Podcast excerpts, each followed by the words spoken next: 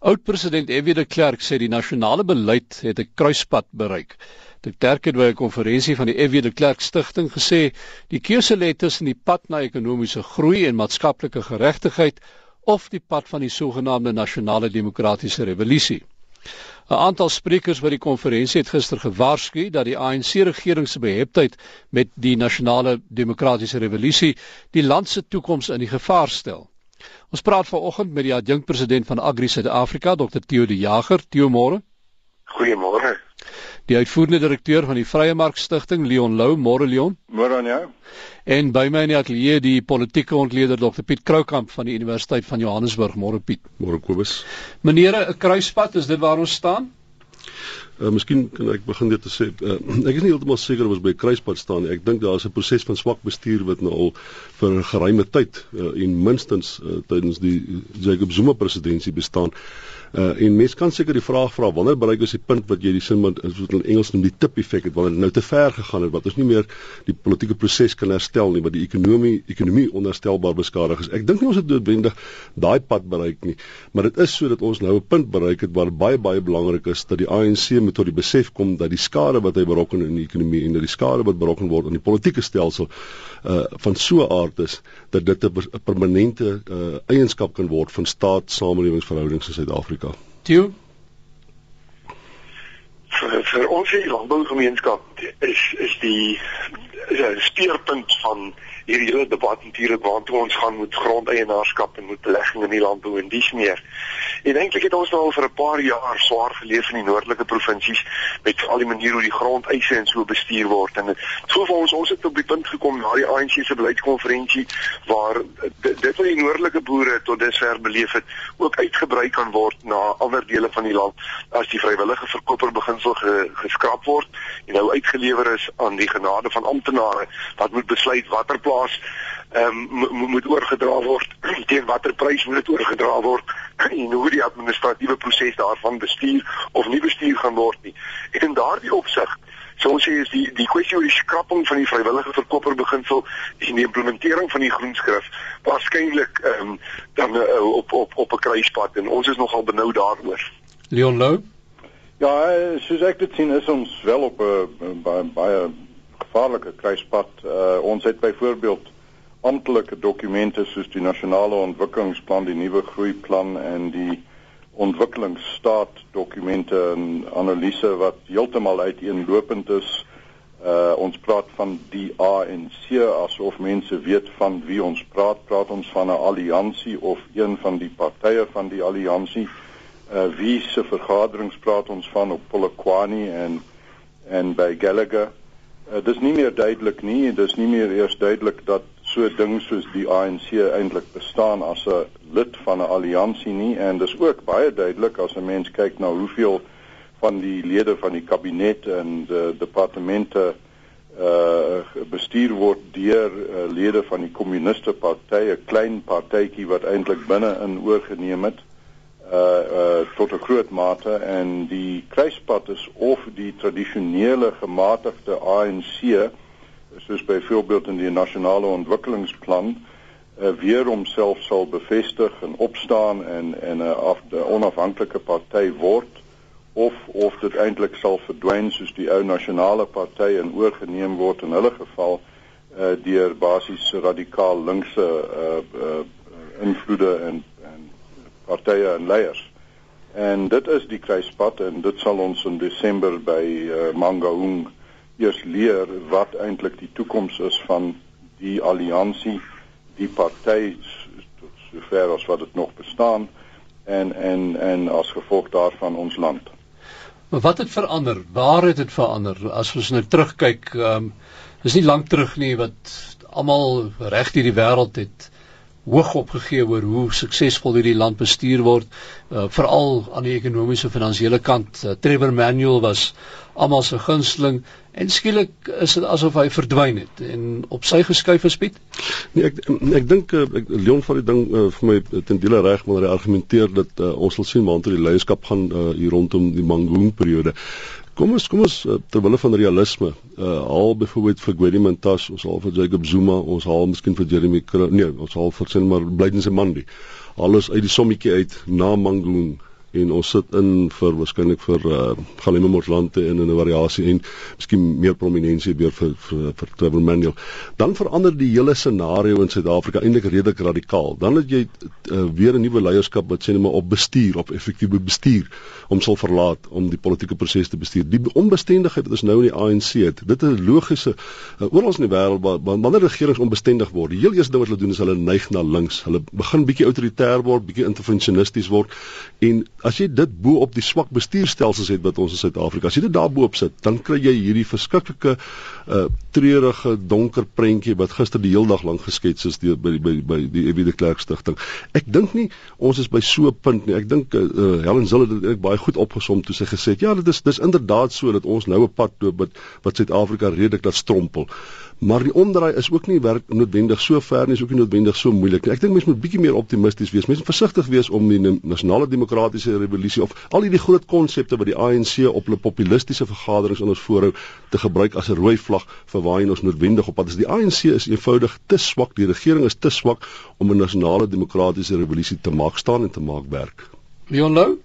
Ja, dit is uh, in 'n sin waar ek is nie te, te pessimisties nie, uh, maar wat ons uh, voor moet beywer en wat ons in my eie stigting doen is om te probeer om die gematigde tendense binne in daai groep wat 'n mens losweg noem die ANC uh soos ek sê as jy sê die ANC is dit die hy dit wees daar eintlik nie duidelik wie van van wie ons eintlik praat nie. Wie se kantoor is in Letuli huis wie se webwerf is dit wie se vergaderings is dit.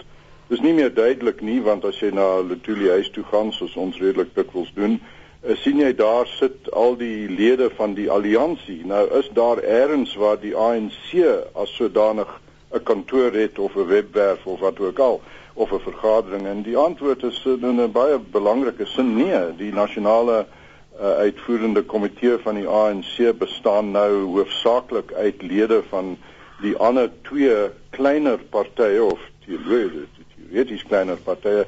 Maar ja, dis waar, dit is 'n geleentheid. Daar is wel 'n kruispunt, maar die kruispunt is nie noodwendig een wat in verkeerde rigting gaan loop nie. En diegene wat wat uh genoem was wat moontlik by Mangaung kan weer oorneem, dit wil sê die gematigdes wat die staatsleerders noem the center will the center hold van die ANC. Dit sal ons dan sien en dis moontlik dat dit wel so kan wees en ons help hulle met met uh, die binne die die ideologiese stryd wat binne in daai groep uh uh plaasvind moet 'n mens hoop dat die gematigde invloede weer sal opstaan en weer sal oorneem en weer ons land in die regte rigting in sal plaas soos ons was van 94 af tot omtrent so 2005 2006 het die die ekonomie volgens die indekse al hoe vryer geword en sedert nie net het al hoe minder vryer geword en alles het vererger sedert nie insluitende insluitende swart bestuur maar dis dis nie die geval net van swak bestuur dis verkeerde bestuur dis bestuur wat in die verkeerde rigting inslaan so eintlik as jy die verkeerde ding wil doen, moet jy gelukkig voel dat hulle swak is. Jy weet die nasionale uh, die die die ontwikkelingsstaat byvoorbeeld, jy wil nie goeie bestuur hê as hulle so iets wil probeer implementeer nie, maar jy wil as hulle byvoorbeeld sal gaan na Trevor Manuel en sy groep se uh, nasionale ontwikkelingsprogram wat nou meer gematig is, meer pro-mark, meer internasionalisties en so aan.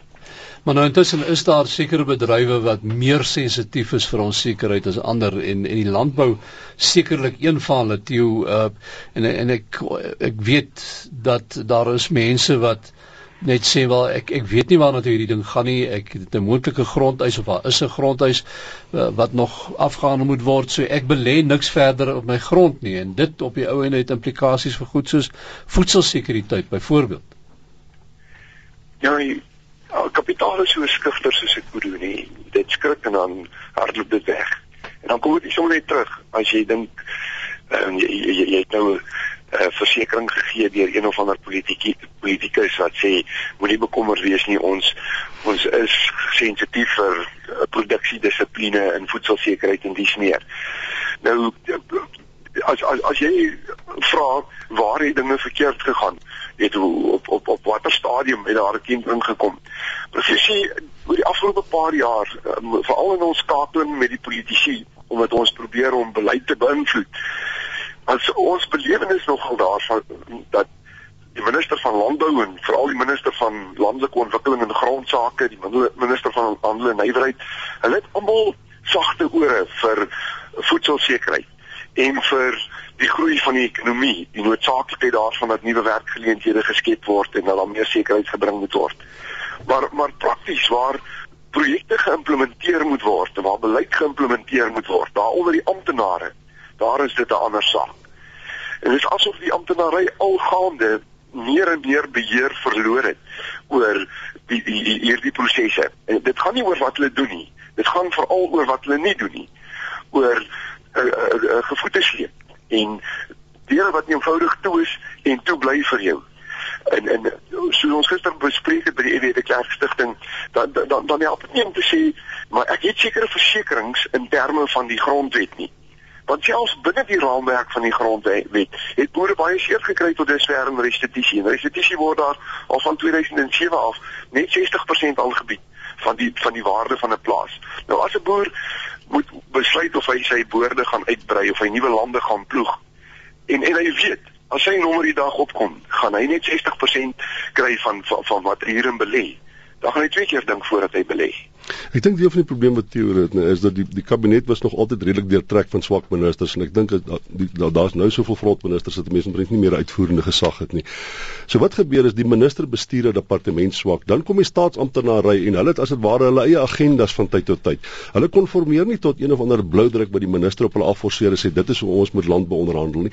En dan word uh, kom Theo hulle by een deur en dan word op een manier hanteer, kom hulle by ander deur en word hy vir hulle toegemaak. Dan daar's nie 'n koherente beleid nie, mense. Weet jy waantoe jy op pad is nie. En wanneer die uh, die, die beleid wel op die tafel is word dit nie effektief toegepas nie omdat daardie bepaalde staatsamptenaar gesag het wat hy homself toeëien wat nie noodwendig van die minister afkry nie. Maar dit is alles deel van swak uitvoerende gesag swak bestuurstelsels. Dit is heeltemal moontlik om dit goed om te draai maar die feit bestaan is solank as wat mense deur onsekerhede in die beleidsraamwerk in die mynbedryf in die landboubedryf gekonfronteer word sal hulle nie nie nuwe beleggings wees sal ons nie werksgeleenthede skep nie. In is hierdie nooskei scenario prentjie die een wat ongelukkig te pertinent is om te ignoreer op die langtermyn. So wat jy sê is dat uh, hierdie hele ding gaan nou maar moet wag vir Mangaung uh, en wie ook al daar dan aan die bewind kom goed of sleg sal dan bepaal hoe dit daarna gaan. Maar ek moet vir jou sê die meeste van van die van die burgerlike samelewing in Suid-Afrika is geweldig goed georganiseer. Ek dink landbou is eintlik beter georganiseer partykeer om met die uh, regering om te gaan as wat hulle self krediet voorgee. Daar's enkele tekortkominge. Ek byvoorbeeld, ons sit nou 18 jaar in grondhervorming en uh, die staat dreig soms om om 'n grondaudit te doen Ek kan om een of ander rede kan ek glad nie verstaan hoekom daar van die ene kant van die inisiatief van georganiseerde landbou nog nie 'n grondaudit bestaan nie. Jacob Zuma staan in die, in die parlement op dat sê 87% van alle grond behoort aan wites. Hy het nie idee waarvan hy praat nie. Hy het geen begrip van hoe die uh, grondverspreiding histories gedoen is nie. Hy verstaan byvoorbeeld nie dat daardie 87% onder andere uh, uh, stedelike grond ingesluit nie. En landbou het nie 'n dokument voor hulle wat ons kyk kyk kyk meneer die president jy verstaan dit ding verkeerd. Hier is die grondverdeling in Suid-Afrika deur iemand so sinne maar KPMG of Pricewaterhouse gedoen. Hierdie is 'n korrekte jy praat van die verkeerde feite af nie. Daar is nie so iets op die tafel nie. Tio, is daar is dit iets waarna jy gekyk het al?